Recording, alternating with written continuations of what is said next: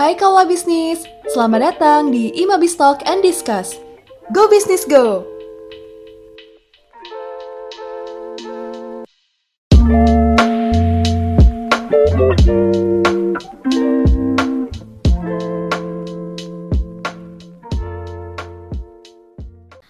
Sobat Imabi, kembali lagi nih bareng aku, Grace, dan Lina di podcast Imabi. Gimana nih kabarnya teman-teman semua? Berhubung kasus COVID-19 lagi naik, jangan lupa untuk terus patuhi protokol kesehatan ya, dan kalau misalkan gak ada urusan penting untuk keluar, mending di rumah aja sambil dengerin podcast Imabi. Nah iya bener banget, kalau misalkan emang kepepet harus pergi, kita harus menggunakan masker double ya Grace ya? Oke, okay, nah teman-teman tetap patuhi protokol kesehatan ya. Dan kira-kira enaknya ngapain sih Grace topik hari ini tuh?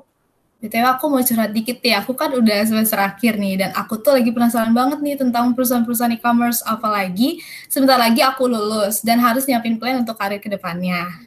Nah bener banget, aku juga kepo kak tentang perusahaan e-commerce tuh kayak gimana sih. Soalnya kan e-commerce tuh apalagi sekarang lagi booming-boomingnya banget gara-gara pandemi covid. Sering banget orang make, jadi orang berincar-incar untuk masuk ke perusahaan e-commerce nih kak. Jadi aku pengen nama nih kak gimana sih uh, bekerja di uh, perusahaan e-commerce itu kayak nah, gimana kak?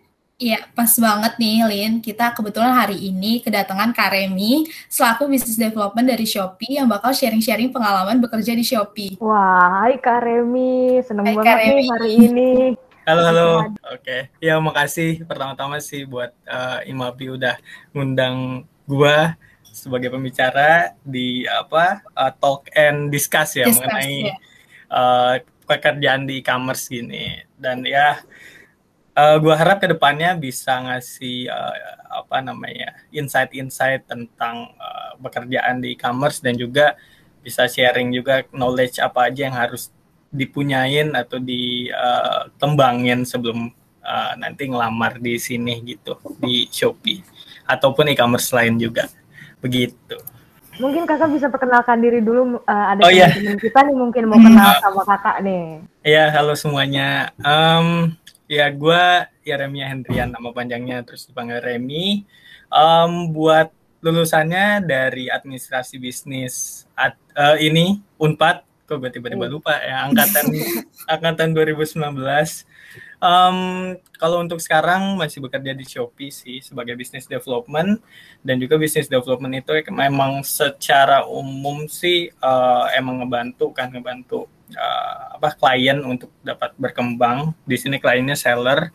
Terus uh, ya udah dua tahun juga kerja di sini kurang lebih ya dua tahun sebulan semenjak lulus tahun 2019 hmm. uh, mungkin uh, masuk tuh kemarin Mei dan juga gue uh, masuk di Shopee ini dari intern sebelumnya dari intern dulu terus uh, sampai bisa ditarik jadi full time setelah itu gitu itu jenjang nah. karirnya sih belum banyak juga masih baru di Shopee aja gitu. menarik menarik banget kak kalau kak okay. uh, se uh, sebelumnya aku juga mau nanya kabar kakak nih lagi Coba. sibuk apa oh. uh, gimana Iya, um, kalau sekarang sih emang sibuknya kerja aja sih. Iya, kalau hari hmm. biasa kerja dan juga weekend ya ini aja sih apa namanya tetap di rumah dan juga berusaha bagi waktu uh, sama kegiatan yang berkualitas yang bisa menambah value juga buat gue sendiri. Walaupun emang uh, secara umur gue lebih banyak gitu dibanding kalian ya, tetap harus ada uh, apa kemauan buat belajar juga. Nih kalian kan emang lebih apa ya lebih mudah dan juga mungkin masih banyak nih uh, waktunya buat mempersiapkan segala sesuatu. Jadi mungkin bisa pilih-pilih kegiatan yang benar-benar positif dan juga yang pengen banget gitu dikembangin gitu ya buat kalian gitu aja. Kan kakak tadi udah kerja nih di Shopee ya kak ya. Shopee yeah. kan merupakan salah satu e-commerce perusahaan e-commerce yang lagi booming banget nih kak. Orang-orang siapa hmm. sih yang tahu e-commerce Shopee gitu kan? Nah boleh tahu nggak sih kak e-commerce? Oke um, oke. Okay, okay menurut kakak itu e-commerce itu apa sih kak? Dan hmm. e-commerce itu kan ada banyak banget, ada B2B, C2B, dan masih banyak lainnya. Hmm. Iya, mungkin secara umum aja sih, gue juga kalau misalnya cari-cari di Wikipedia e-commerce artinya apa, ya teoritis banget sih uh, jawabannya ya pada umumnya emang e-commerce itu aktivitas kan aktivitas jual beli cuman diperlakukannya itu di uh, media elektronik Dan juga kalau uh, Shopee sendiri sebenarnya uh, bukan e-commerce ya, dia just, justru namanya itu marketplace. Marketplace itu tempatnya yang menyediakan uh, apa namanya media uh, mempertemukan uh, penjual dan juga pembelinya gitu kan. Nah itu yang jadi pembeda biasanya strateginya, strateginya si platform ini entah itu Shopee ataupun yang lain mereka punya strategi yang sendiri-sendiri gitu buat ngembangin ataupun cara uh, jaga hubungan sama kliennya gitu. Gitu. Hmm. Okay. Menjawab kah? Kakak sendiri, uh, menjawab menjawab, gak? menjawab, kak. Menjawab, menjawab okay. kak. Uh. Nah, kalau menurut kakak sendiri nih perkembangan e-commerce atau marketplace di Indonesia ini kayak gimana sih kak? Kalau hmm, apa ya? Kalau untuk secara umum yang pasti berkembang banget sih e-commerce dan semakin sini masih semakin menjamur juga ada banyak startup startup hmm. baru dan juga ya semakin ke sini juga nggak ketebak saingannya siapa dan juga tiba-tiba justru saingan eh, saingan-saingannya itu justru merger dan juga mereka tambah kuat kan. Jadi kita uh, ya harus persiapkan persiapin hal baru lagi gitu. Uh, ya kan awalnya apa namanya si saingannya itu udah udah kelihatan kan. Yang satu uh, yang kayak gini gitu si warna apa dan juga yang satu lagi beda warna lagi eh atau mereka gabung. Nah itu kita jadi mikirin lagi strategi apa yang cocok buat bersaing. Itu sih umumnya. Hmm. paham kan ya kalau warna-warna gitu? Ada si hijau ada si biru oh, gitu. Oh ya paham biru. Iya iya. Itulah pokoknya. Nah mungkin kan uh, Kak udah ngejelasin juga nih tentang uh, perkembangan e-commerce, tentang apa itu e-commerce dan uh, sekarang aku juga mau kepo-kepo sebenarnya uh, mungkin banyak teman-teman juga yang tertarik untuk kerja di e-commerce atau marketplace untuk sebagai future plan karir mereka. Gimana sih Kak budaya kerja di e-commerce itu? Soalnya aku kayak suka ngeliat gitu kayak banyak banget anak muda dan kayaknya asik banget kerja di situ. Apakah lebih fleksibel dibandingkan bekerja di perusahaan-perusahaan lain? Hmm, betul betul betul banget mungkin emang anggapan yang uh, apa ya yang dikasih sama Shopee ataupun e-commerce yang lain tuh dari segi budaya kerja ataupun dari segi lingkungannya menarik. Dan juga uh, ya enaknya juga sih kita kerja sama yang seumuran. Dan kalaupun ada beda umur yang lebih tua mereka tuh menghargai banget akan keputusan kita. Justru dikasih tanggung jawab gitu. Dan uh, megang project sendiri Um, ya ada evaluasinya juga sih dan juga uh, kalaupun dikasih tanggung jawab ya harus di uh, apa namanya dikerjain dan itu amanah ya ya harus dikerjain lah gitu. Kalau jam kerjanya sendiri itu Kak apa kayak hmm. kantor pada umumnya 7 sampai 8 jam kerja atau beda nih kalau di perusahaan? Uh, Shopee uh, ini sih mulainya setengah 10 kita. Kalau mau mulai lebih pagi lagi nggak apa-apa Cuman emang hitungannya kan 8 jam kerja kan. Kalau setengah 10 berarti kelarnya kisaran setengah 7 ya. Kalau mulai lebih pagi lagi ya 8 jam kerja aja dihitung setelah itu gitu. Tapi kalau misalnya ada lembur juga, ada uh, ini juga sih ada uang lembur kalau uh, ambis banget ataupun ada yang pengen dikerjain sampai malam gitu. Oh, jadi patokannya yang penting 7 jam bekerja gitu ya, Kak? 8 jam. 8 jam. Oh, 8 jam. Oh, sorry. 8 okay. jam kerja. Um, tergantung juga ada peak day kan kita kalau di Shopee ada peak day itu yang kayak 77 88 pokoknya tanggal cantik yang samaan gitu. Nah, itu pasti kita jaga sampai malam sih. Sebenarnya mastiin aja barang-barang yang kita apa namanya? Uh, kita tampilin itu benar-benar live waktu waktu live-nya itu tanggal 77 jam 12 malam tuh biasanya kita ngecekin gitu. Ya. Gitu. Sibuk banget pasti ya Kak di tanggal 77. Uh, lumayan. Sebenarnya 77 emang puncaknya sih atau peak day-nya tuh puncaknya. Persiapannya itu lebih yeah. lebih uh, ekstra tenaga lagi, ekstra waktu juga. Uh, tadi kan kita juga udah ngebahas sih Kak tentang jam kerja. Mungkin hmm. aku juga penasaran sih Kak tentang gimana lingkungan kerjanya. Aku sering banget ngelihat entah di IG atau di TikTok gitu ya. Kalau hmm. e-commerce tuh biasanya kantornya disediain banyak tempat buat nongkrong sama nyantai-nyantai gitu kak. Uh, bahkan aku juga suka ngelihat banyak snack-snack gitu di kantornya. Itu gimana tuh kak? Iya, itu mungkin emang salah satu benefit juga ya kalau kerja di e-commerce. Emang banyak snack, banyak uh, tempat-tempat enak gitu buat kerja. Ada bean bag gitu kan, bean bag biasanya emang menarik orang supaya bisa nyantai gitu. Cuman ya itu berlakunya waktu uh, WFO kemarin. Sekarang gua aja bener-bener uh, udah jarang banget ke kantor. Udah sekitar uh, ya mungkin tiga bulan lah ya, tiga bulan terakhir ya terakhir kantor tiga bulan terakhir terus uh, mungkin yang sekarang sekarang ke kantor itu emang dia yang apa namanya ya ngerantau kali ya dari luar kota terus uh, punya koneksi yang kurang bagus di daerahnya terus uh, ya udah akhirnya dia mending di kantor Jakarta aja di uh, Shopee-nya begitu. Berarti kalau WFA gini kak benefitnya yang didapat apa nih kak? Ada nggak kak? WFA uh, ya klaim internet sih kan internet bisa bisa hmm. klaim terus apa ya kalau misalnya ada lebaran kemarin atau tanggal sama biasanya ada hampers gitu kan. Jadi uh, dari kantor ngasih bingkisan gitu kayak isinya toolkit. Ya istilahnya toolkit buat uh, fight covid kayak hand sanitizer ataupun ada juga masker gitu kan.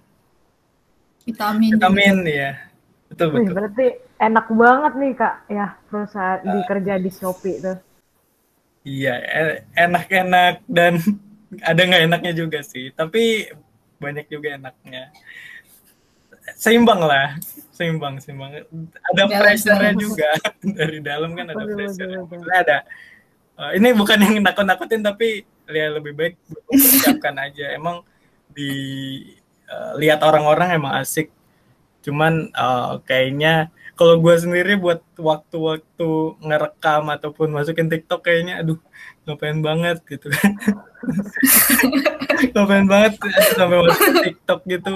Jadi apa ya kesannya uh, kok kayak gak kerja gitu. Padahal mah kita kita sebenarnya ada gitu ada aja yang dikerjain. Tapi bagus itu mungkin tim-tim marketingnya kan yang buat promosiin.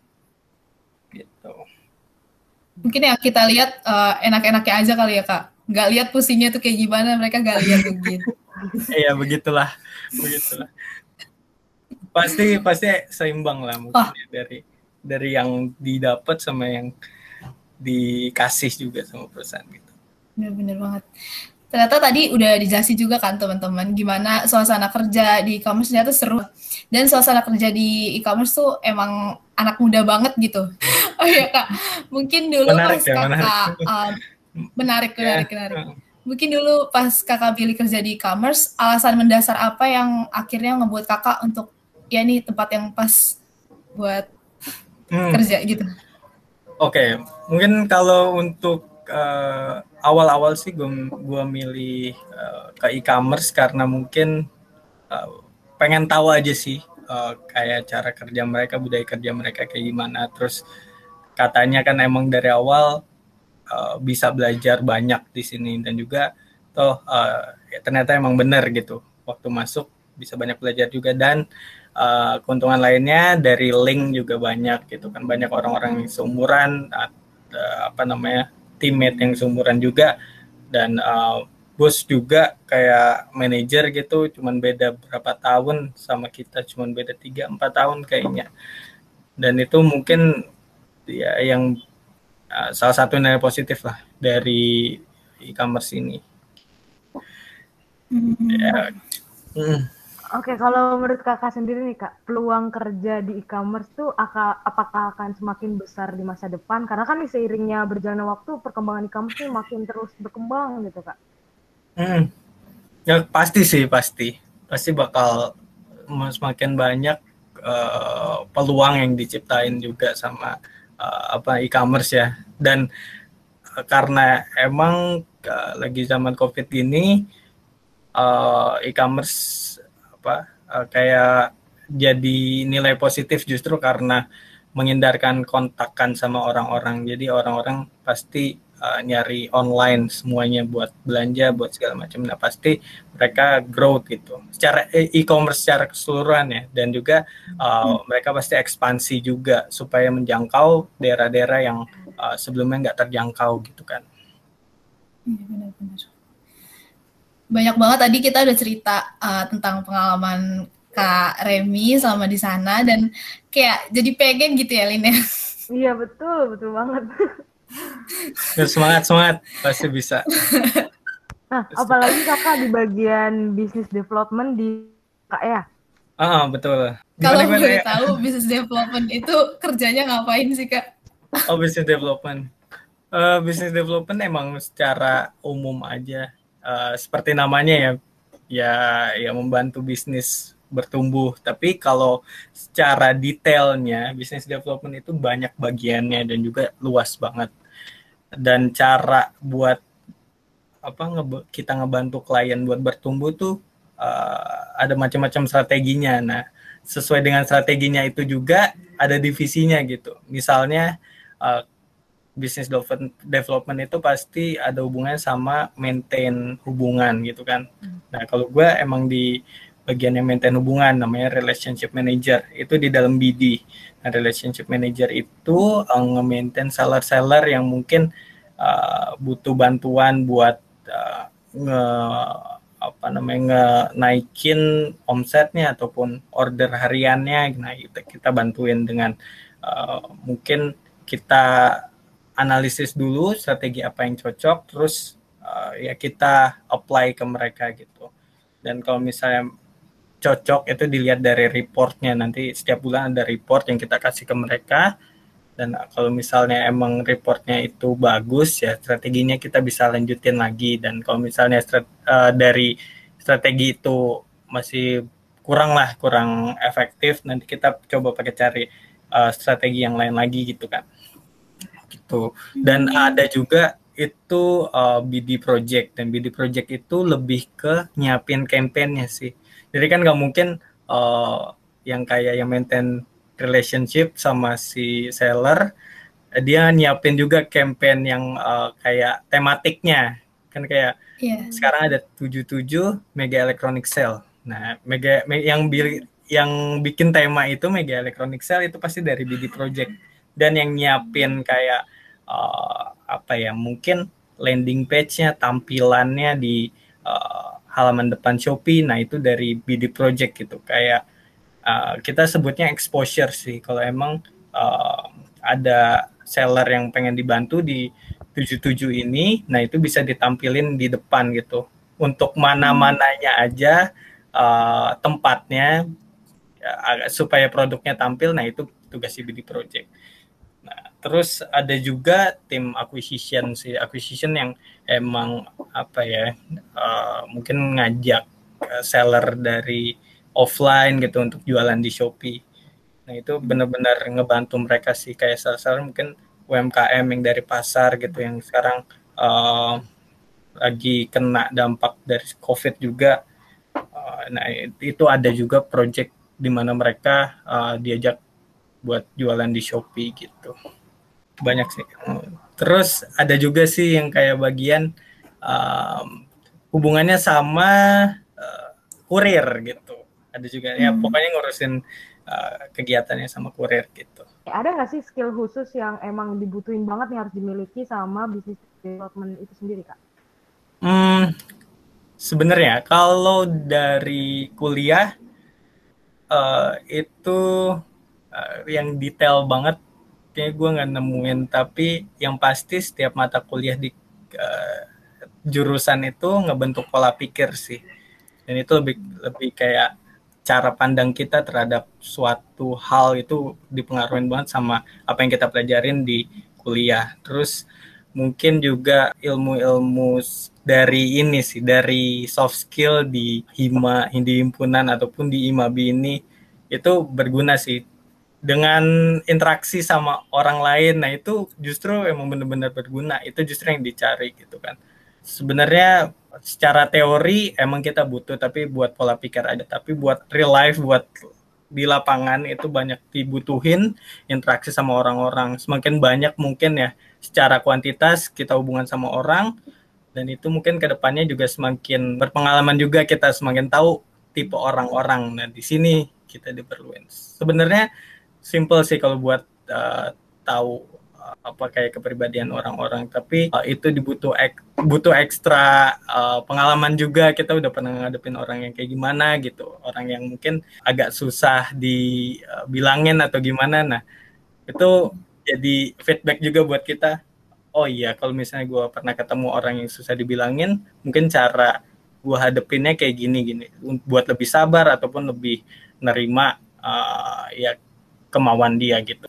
Iya banget kak. Tadi kayak aku juga kakak sempat sebutin kayak bisnis development kan banyak banget uh, turunannya tuh kayak hmm. kita juga harus terjun ke pasar langsung berhubungan oh. sama masyarakat banyak mungkin itu salah satu soft skill yang bisa dipelajari dari himpunan ikut himpunan dan himabi gitu ya mungkin iya itu ini sih apa namanya benar-benar dicari ya kalau misalnya udah aktif di uh, himpunan ataupun organisasi lain gitu selama kuliah dan bukan cuman di uh, mata kuliah doang yang pinter tapi secara soft skill juga dilatih juga dengan ikutan organisasi gitu.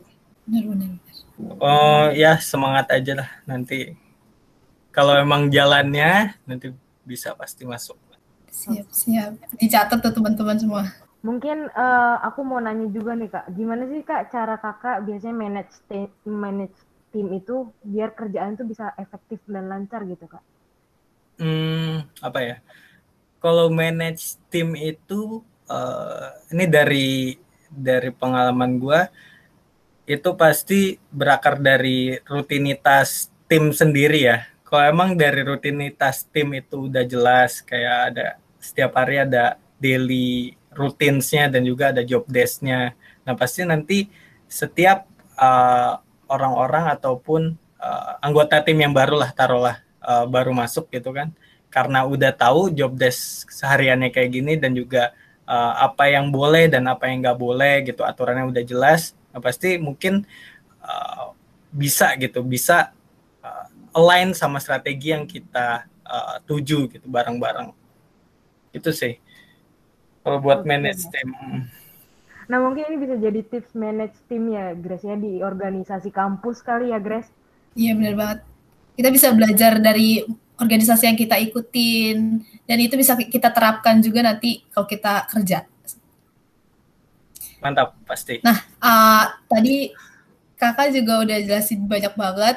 Aku juga mau nanya nih kayak soft skill dan hard skill umum apa yang harus dimiliki setiap mahasiswa atau fresh graduate itu sendiri kak untuk kerja di hmm. e-commerce ataupun perusahaan.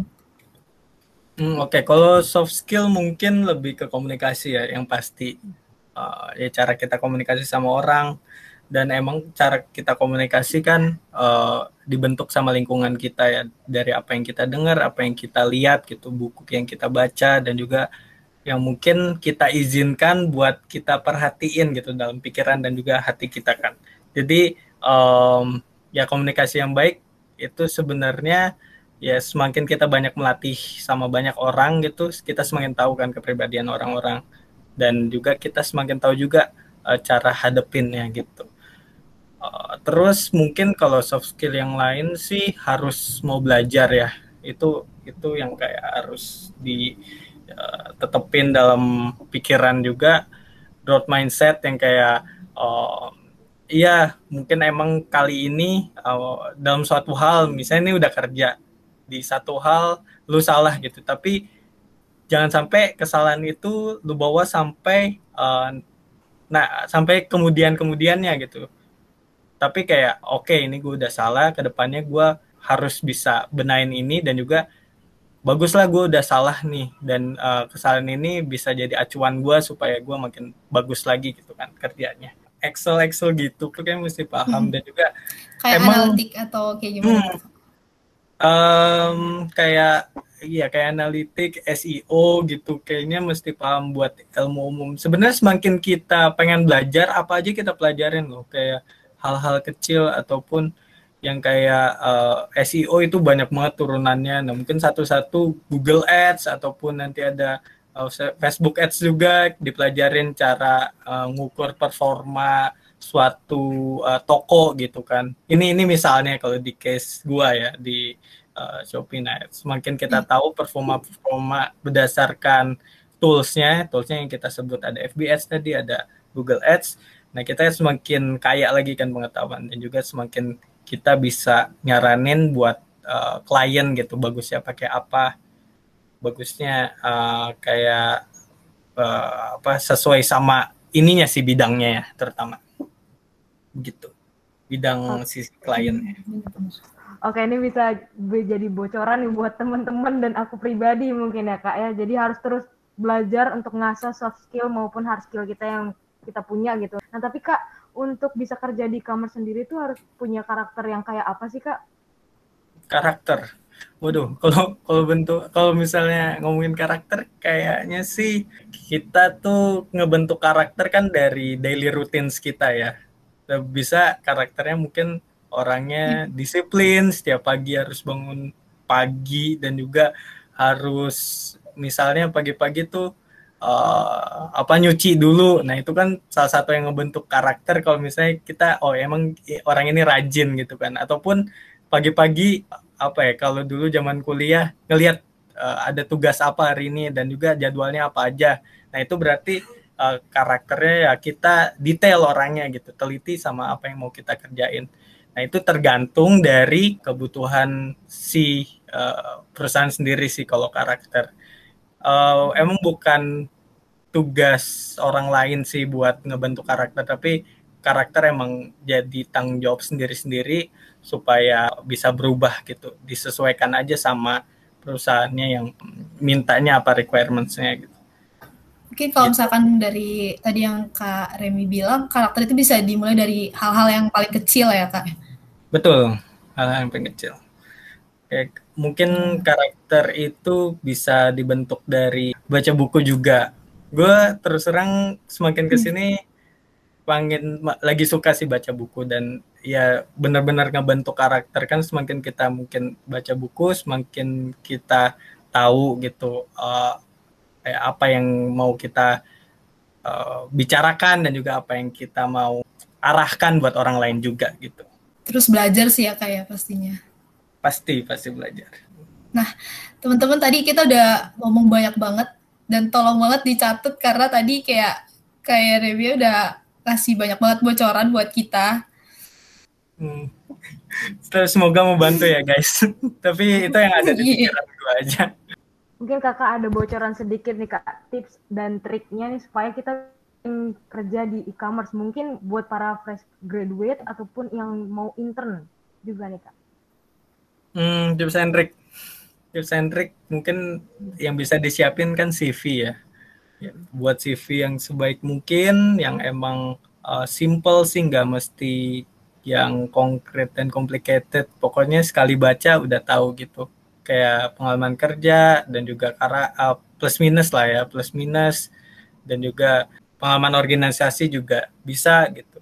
Tergantung kalau memang incernya intern mungkin uh, ini ya apa bisa lampirin IPK kan IPK terakhir IPK semester terakhir kalau misalnya udah lulus kan ijazah gitu yang nanti dikasih lihat nah ijazahnya pastiin IPK paling terakhir tuh udah ini sih di atas tiga setengah lah minimal gitu kalau buat uh, ngelamar di e-commerce Oke, dicatat lagi, bocoran lagi nih kak ya.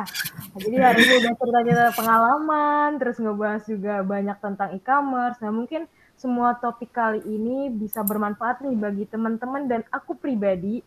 Oh ya mungkin kakak ada closing statement untuk uh, atau motivasi untuk teman-teman nih kak yang ingin bekerja di e-commerce nantinya.